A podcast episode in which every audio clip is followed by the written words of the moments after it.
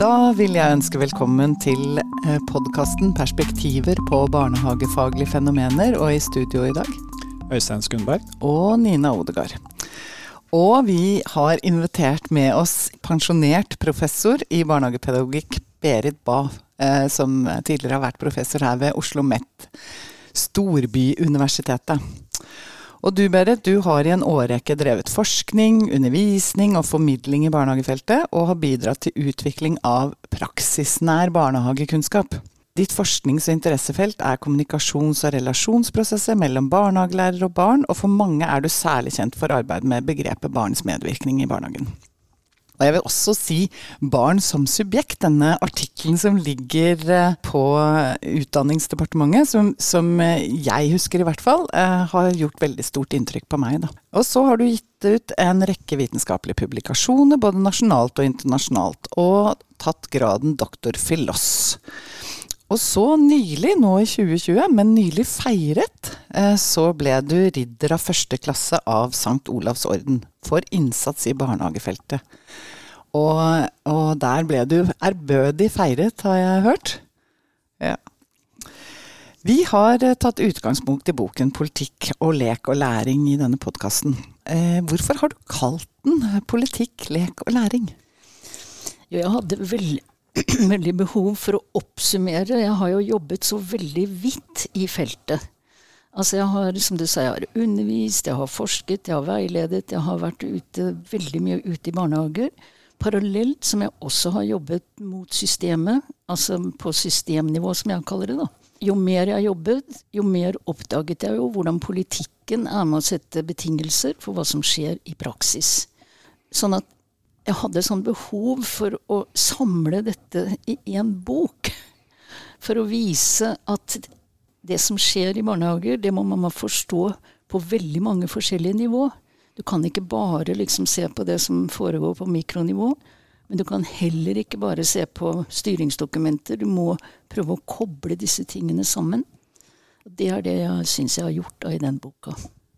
Det, å være barnehagelærer, det handler jo også om å navigere mellom eh, nettopp som du sier, disse forskjellige nivåene. Mellom rammeplan og mellom eh, barnekonvensjonen til FN, lokale planer og Eh, dokumenter og styringsverktøy som programmer som De utrolige årene eller språkkartlegging og den typen verktøy. Det binder jo opp mye tid, og noen barnehagelærere opplever at det føles som det tar tid vekk fra barna. Men i boka di så bruker du begrepet profesjonell motstand. Hva er det som ligger i det begrepet? Og hvordan kan det å yte en profesjonell motstand bidra til utvikling av feltet og styrking av barnehagelæreren?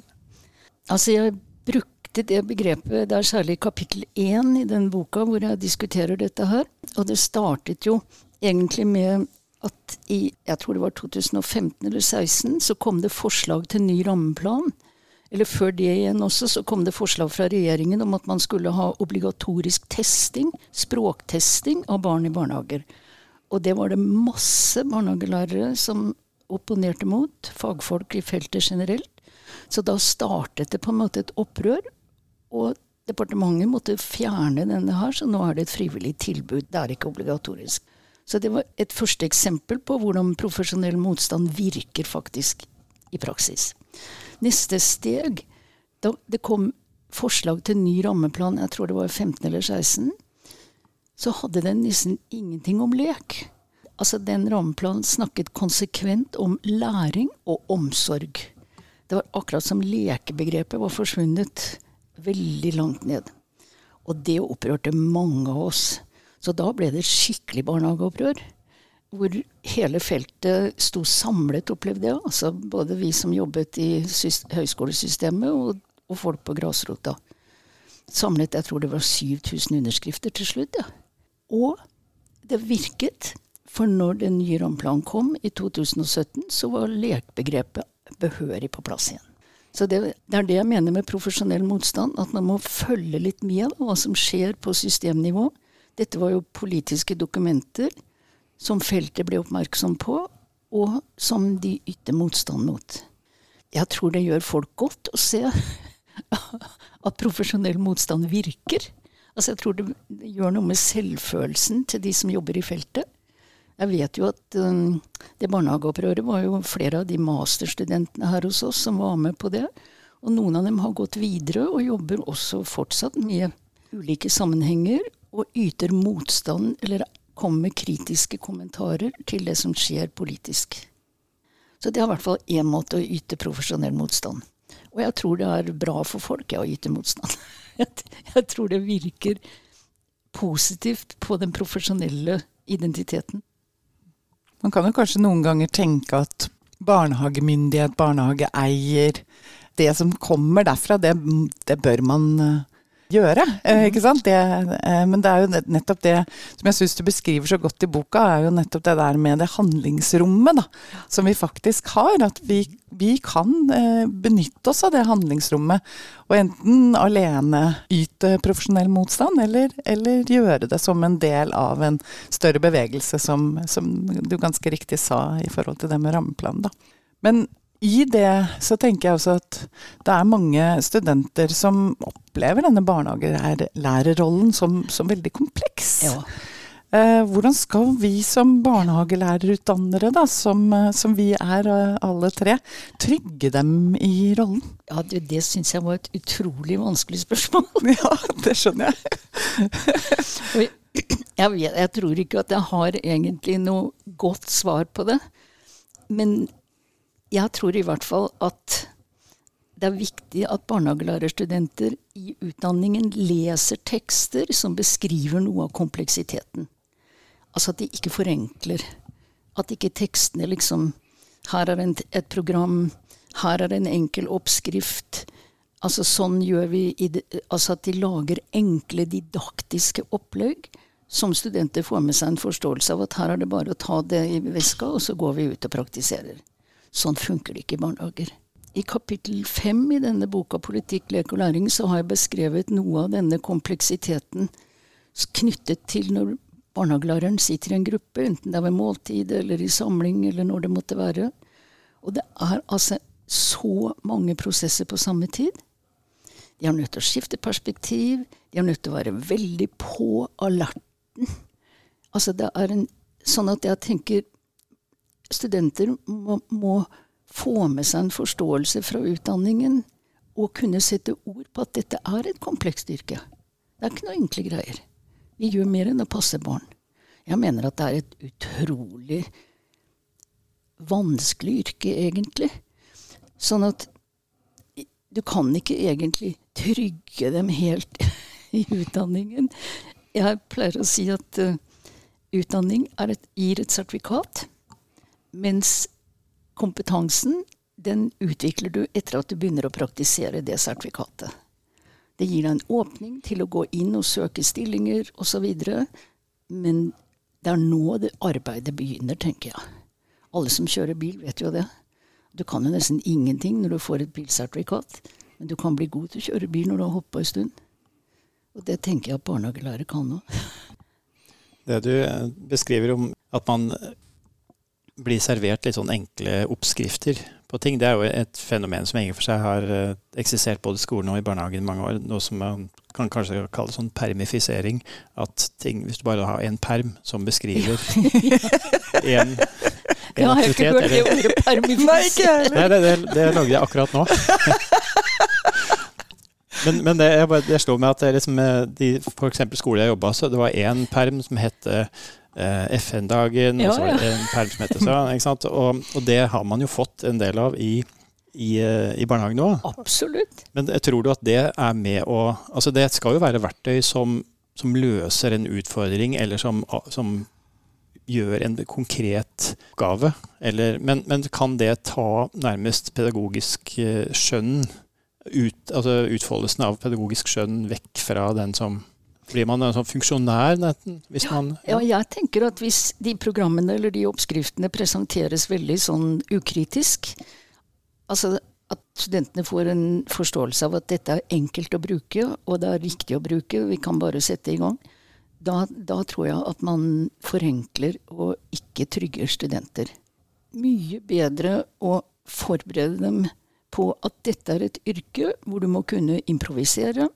Det er jo et begrep som er blitt veldig mye mer aktuelt i de senere år i nyere didaktikk. Altså, små barn Veldig vanskelig å kontrollere hva de sier, hva de gjør, hvordan de beveger seg fra et minutt til et annet. Så hvis du ikke kan å improvisere, da kommer du veldig til kort, altså. Sånn at det er en sånn fleksibilitet og mental fleksibilitet, tenker jeg, som ligger i, i å være en god barnehagelærer. Du må ha det som jeg kaller for simultankapasitet. Høy simultankapasitet.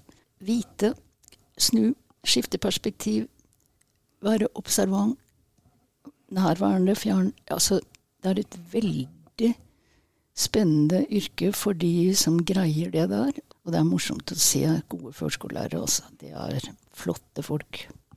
Jeg, jeg øh, var nettopp øh, konferansier på erfaringskonferansen om bærekraft øh, på USN. Og da var det en av studentene som sa, som var i, med i dette panelet vi hadde da, at han skulle ønske at man hadde Man var vikar i tredje året, fordi at han ville, ville liksom ut i praksis på ordentlig, ordentlig. Ja. Og det tror jeg handler litt om det du, du snakker om nå, at, at det er så det er så stor forskjell mellom det vi lærer i utdanningen og det du kommer ut i praksis, og at det er noe man skal eh, jobbe med over tid for å virkelig kjenne at man eh, blir den barnehagelæreren man ønsker å bli. da. Eh, det, er ikke, ja, det er ikke gitt at man kommer dit eh, bare ved og gjennom utdanningen. Nei. Og så kan det bli litt forenkling, tror jeg. Altså, jeg likte ordet permifisering veldig godt. For jeg tror at hvis man ikke får, eh, fordi vi har dette resultatregimet mye mer nå, hvis man ikke får de resultatene da, man, eh, man ønsker seg, så kan det være lett uh, fra oven å ta denne, uh, denne, forenklede måten å gå inn. Og det ser vi jo at kommuner velger f.eks. ett program, eller flere program som skal gjelde for alle. Og, og i et sånt regime så kan det være veldig vanskelig å yte profesjonell motstand. Jeg har litt lyst til å gå over til dette med barns medvirkning. Hvordan skal vi forstå barns deltakelse og rett til å uttrykke, slik som det står i, formulert i FNs barnekonvensjon, i Grunnloven og i barnehageloven? Altså, Først og fremst så må vi forstå det som en holdning til barn som medmennesker. Jeg har jo brukt litt tid på å gå inn i de der grunnlagsdokumentene hvor det medvirkningsbegrepet stammer fra. Og det som er en rød tråd, det er at det er bygget på en forståelse, et menneskesyn, om at barn har rett til å møte respekt for sitt menneskeverd. Grunnleggende sett så handler det med å møte, altså det med å gi barnet rett til å uttrykke seg, det handler om å møte dem med respekt som medmennesker. Jeg har ikke vært så opptatt av metoder, eller det er mange som har misforstått litt også det med medvirkning, at det handler om at du skal kunne velge at du skal kunne bestemme alt mulig. Og det er en, en misforståelse. Det er klart det kan gå inn, og det å bestemme, være med å bestemme, kan gå inn i medvirkning.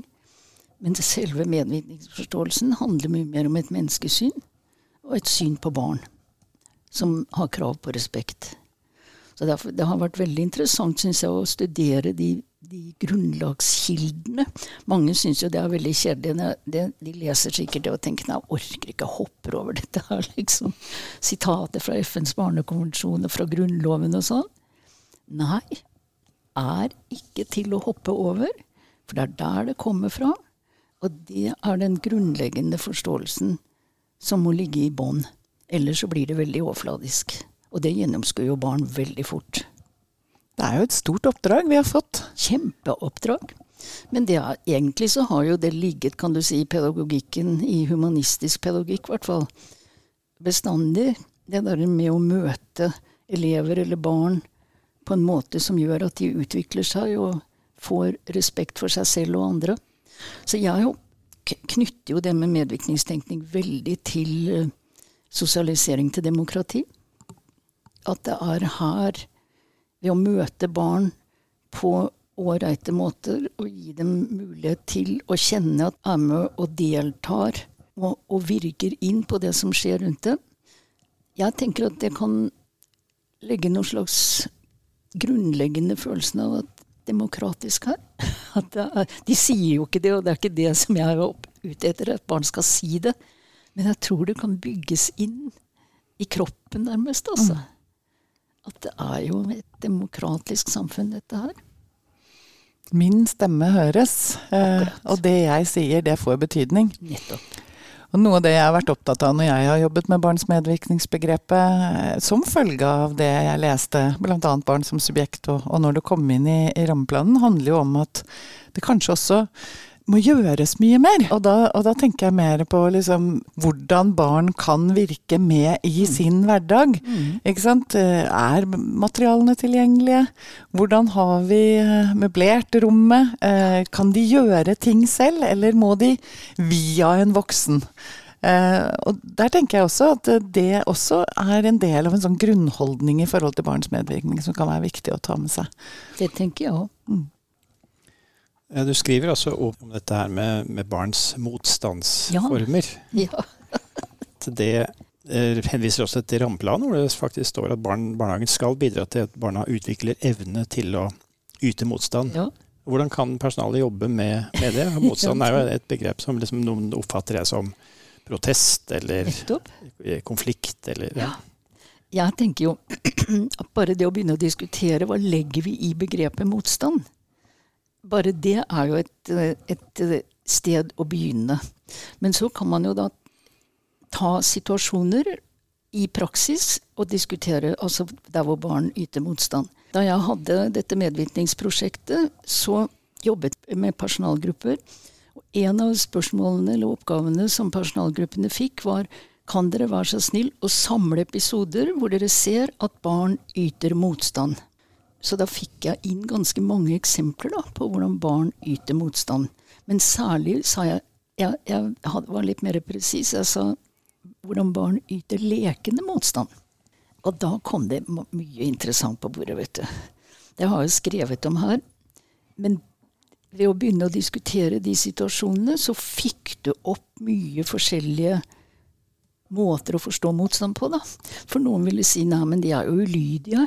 Ja, Men de må jo lære å oppføre seg ved måltidet. Du kan jo ikke drive og leke med paprikabiten eller kaffekopp eller glass eller hva det måtte være. Noen ville si nå må du sitte stille, ellers er du nødt til å gå fra bordet. Altså Vi fikk frem mange forskjellige måter å se på det med lekende motstand. Mens jeg ser jo på det som hvordan kan små barn ellers kjenne at de har noe å si? At, de har, at deres stemme høres, altså har noe fantastisk eksempel på hvordan barn på småbarnsavdeling parodierer den voksne. Jeg har beskrevet det i den, i den boka, men det er altså de, Barna begynner å bråke litt, da, sånn banke med koppen sin. Og så sier en av de voksne Hun tar seg til øra, og så sier hun dere må ikke bråke sånn, for da får jeg vondt i øra. Da er det en liten toåring som sitter, og så ser han opp på henne, og så gjør han sånn Øra øra. Og etter hvert så gjør alle som sitter rundt bordet, åtte små øra. Ø. Så det blir en sånn gruppekonsert, da, som Gunvor Løkken kaller det. Det var altså Jeg tenkte to år! Det er parodi på, sitt, på et høyt nivå, vet du. Og det er sånn jeg tenker lekende motstand. Altså, det, hvis, det, vi må tillate barn Vi må til, vi er Som voksne i barnehagen og personalet så har vi jo mye makt. Veldig mye makt, og den kan brukes på mange forskjellige måter. Men du er nødt til å gi rom for at de også kan yte motstand. Hvis de skal få en følelse av at dette er et demokrati. Eller at det er noe demokratisk som foregår her. Så parodiering Jeg mener at det burde være mye mer av det i utdanningen òg. At studenter parodierte lærere, f.eks. Altså, i gamle dager når jeg underviste på grunnutdanning, så laget de revyer. Jeg husker mange av de parodiene av meg. Jeg glemmer dem aldri, altså. Jeg lurer på om studenter gjør det nå? Parodierer de lærerne? Ikke som, så vi ser det, men antageligvis eh, når vi er ute av rommet. Ja, Men jeg tenker det kan godt løftes frem. Ja. Det er jo en uttrykksform i et demokrati å parodiere de mektige. Altså Det er jo viktig, altså. Politisk. Spørs om ikke du sår en liten idé nå. Kanskje revyene kommer tilbake på universitetene. Okay. Uh, ja, det syns jeg er veldig fint. Uh, det, er, uh, det er en ting som jeg, jeg fester meg jo ved, ved, små ting som jeg kanskje ikke har tenkt så mye over. Da. Og du snakker jo om det at det er ulike former for motstand. Og så um, refererer du til uh, bl.a. Johannessen og Sandvik i forhold til dette her med stillferdige vis å yte motstand, og gjennom kroppslige uttrykk. Og det er kanskje noe som jeg har festet meg spesielt ved. da. Fordi du har jo ganske sånn bred kunnskap om hvordan barn yter motstand, syns jeg. Det er veldig spennende. Når du sa nå får de sikkert noen ideer. Jeg syns egentlig at det kunne være en oppgave som studenter har i praksis. At de skal samle episoder hvor barn yter lekende motstand. Ja. For å ha noe å ta utgangspunkt i, og så se hvordan Og diskutere. For jeg er helt sikker at man da får frem veldig ulike forståelser av hva motstand egentlig er. altså. Vel, veldig relevant, uh, og, og, noe vi absolutt kan ta med oss. Vi, vi reviderer jo stadig praksisoppgavene, så ja. det kan hende at uh, det kunne vært med i neste runde. Jeg syns i hvert fall det er veldig spennende, og jeg tenker at den utvidede forståelsen du har, gjør at vi må skru på mye mer enn mm. det språklige når, ja. vi, når, vi, når vi, lytter uh, med hele oss da, i forhold til det med barns motstand. Vi skal over på enda et tema. Vi skal inn på leken, og, og, som har jo en veldig sentral eh, plass i barnehagepedagogikken, men som du ganske riktig sa, det, den sto litt i fare. I hvert fall for å ikke bli nevnt i, i de viktigste dokumentene våre. I samtale med barnehagelærere og i boka di, så kan det se ut til at at vi bør være oppmerksomme på faktorer som bidrar til at lekens plass innskrenkes. Eh, og det er jo disse som vi allerede har vært inne på, noe arbeidsoppgaver, noe prioriteringer, kanskje også programmer. Eh, men hvordan kan vi bidra til, både studenter og vi som jobber i barnehagelærerutdanningen, til å sørge for at eh, leken fortsetter å ha en sentral plass i barnehagepedagogikken? Altså, jeg, jeg skulle ikke si, kan ikke du spørre noen andre? Hvem vil du jeg skal spørre? Har, nei, dere har jo allerede spurt. Jeg har jo, jeg har jo hørt på disse podkastene, men dere har jo spurt uh, Birgitte Fjørtoft, mm. dere har spurt Nini Sandvik, dere har spurt uh, Maria Øksnes. Og de, disse folka vet masse om hvordan man kan ta vare på lek. Og, så jeg vil heller henvise til tidligere podkaster, men, men nevne den tingen som jeg har blitt veldig opptatt av. da ikke lek generelt, men det jeg kaller for lekende øyeblikk. Og det er sånn som har blitt veldig tydelig for meg. Jeg har vært mye ute i barnehager og observert i forskjellige omganger og barnehager. Dette er hvordan barn bringer inn lekende uttrykk når som helst, hvor som helst, og der, særlig der det ikke er planlagt. Og det å være oppmerksom på at de der små øyeblikkene der, de, de, kan være viktige for barn, selv om det, det, tar ikke lang tid, og det er ikke mye som skal skje. Det er ikke en ordentlig stor rollelek eller en veldig liksom, flott utelek eller noe sånt jeg snakker om. Men disse her små øyeblikkene, altså. Av, og da er det jo ofte lekende motstand, eller de gjør narr av de voksne, eller hva det måtte være. Men jeg tenker at hvis, hvis de blir slått ned på, og ikke er tid for å gi rom i garderoben eller ved måltidet eller i andre på, når du går på tur, hvis det ikke er tid og rom for å ta vare på disse små eh, lekende øyeblikkene, da har du innskrenket lekens plass. Men da snakker jeg jo litt mer om en lekende holdning, kan du si. Mm. Altså på, på, engelsk heter det jo 'playfulness'. Jeg, jeg tenker at den evnen til playfulness må tas vare på for at du skal kunne gripe disse små øyeblikkene og være til stede, og så kan du gå videre etterpå. Mm. Så da, Jeg er mer opptatt av det. da. De andre, altså som sagt Øksnes og Birgitte, og, de har masse flott å si om lek generelt. Så jeg henviser til dem, ja. ja. det er helt greit. Ja, det er bare vil kommentere det med playfulness. Det bare rinner meg i hu at uh, du mente at, uh, at, lek var bare en sånn manifestasjon av lekenhet, mm. og at det, kunne, at det, gjaldt både voksne og barn. Og at, uh, at leken var liksom en sånn forbigående fenomen egentlig, men at det var lekenheten som var det permanente, som var holdningen man bar med seg, uansett om man var barn eller voksen. Men ja, for det er enkelte filosofer som hevder at uh, lek er, er barns livs, at det er en livsytring. Uh, og, det tenk, og det er derfor den kommer opp stadig vekk, da, uten at du har planlagt det eller lagt til rette for det. eller noen ting. Og jeg tror jo at også folk, voksne folk kan ha noe av den samme livsformen innimellom, da. Eller jeg håper det. At vi ikke helt har glemt den livsytringen. Ja, det ville jo vært hvis vi liksom vokste fra det veldig tidlig. Vi skal over på et litt annet tema, det som handler om eh, barn og natur. Ja. For du skriver i, eh, i boka di siste kapittel at å ferdes i naturen og arbeide med barns forhold til natur, det har jo en lang tradisjon i norsk og nordisk barnehagepedagogikk. Og i rammeplanen fra 2017 så kom bærekraft som verdi inn i større grad tidligere. Og eh, ting som klimaendringer og eh, internasjonale kriser og uro er i større grad av hverdagen nå enn før.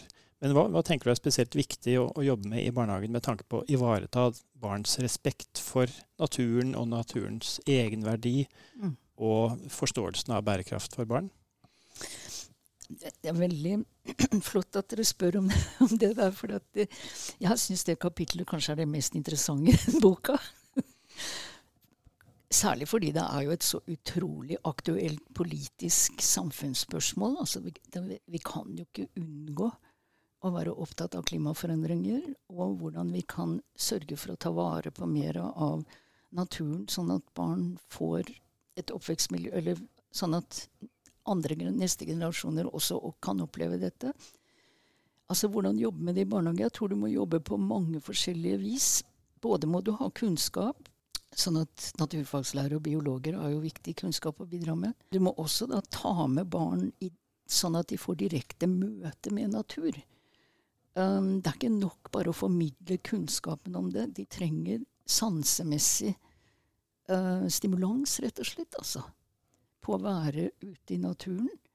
Pluss at du da selvfølgelig må, når du jobber med barn ute i natur, ikke bli så streng i den didaktiske læringen om naturfenomener at du glemmer omsorgen eller leken. For den, komme, den må også komme inn. Men jeg, når jeg skrev det kapitlet, så gikk jeg til noen kilder, altså biologisk, biologiforfattere. Og der kom jeg over et begrep som heter økologiske ferdigheter. Det syns jeg var et strålende begrep. Um, for det betyr Og det, det det betyr, er at du skal begynne istedenfor Vi snakker om literacy og skrive- og regneferdigheter. og det, det er masse liksom, press på at barn må lære å skrive og lese alt mulig. Hva med, lære, hva med å lære barn å lese naturen? Hva med å lære barn å se sammenhenger? Hva med å lære dem om årstidsskiftninger? Hva med å lære dem om hvordan vi ødelegger natur hvis vi ikke har respekt for trær og dyr og vekster og sånn? Så I den islandske rammeplanen så har de tatt inn det som en av grunnverdiene økologiske ferdigheter. Lese, økologiske leseferdigheter. Det syns jeg godt kunne komme sterkere frem i norske barnehager også. Lære barn å lese økologien. Det gjøres jo en god del når det gjelder det med bærekraft. Jeg vet at du har bl.a. jobbet uh, i den retningen med, å, med gjenbruk, og at vi tar vare på materialer, og det, vel, og det er viktige ting. Men jeg tror at det der med naturen, altså Lære barn, eller la barn få erfaring med å være nær natur. Men du må ha kunnskap òg, altså, sånn at det er ikke liksom bare en Men selv har jo utrolig mye glede av natur, både som en estetisk utforsking, som du skriver om, og ja, på mange, på mange måter, altså.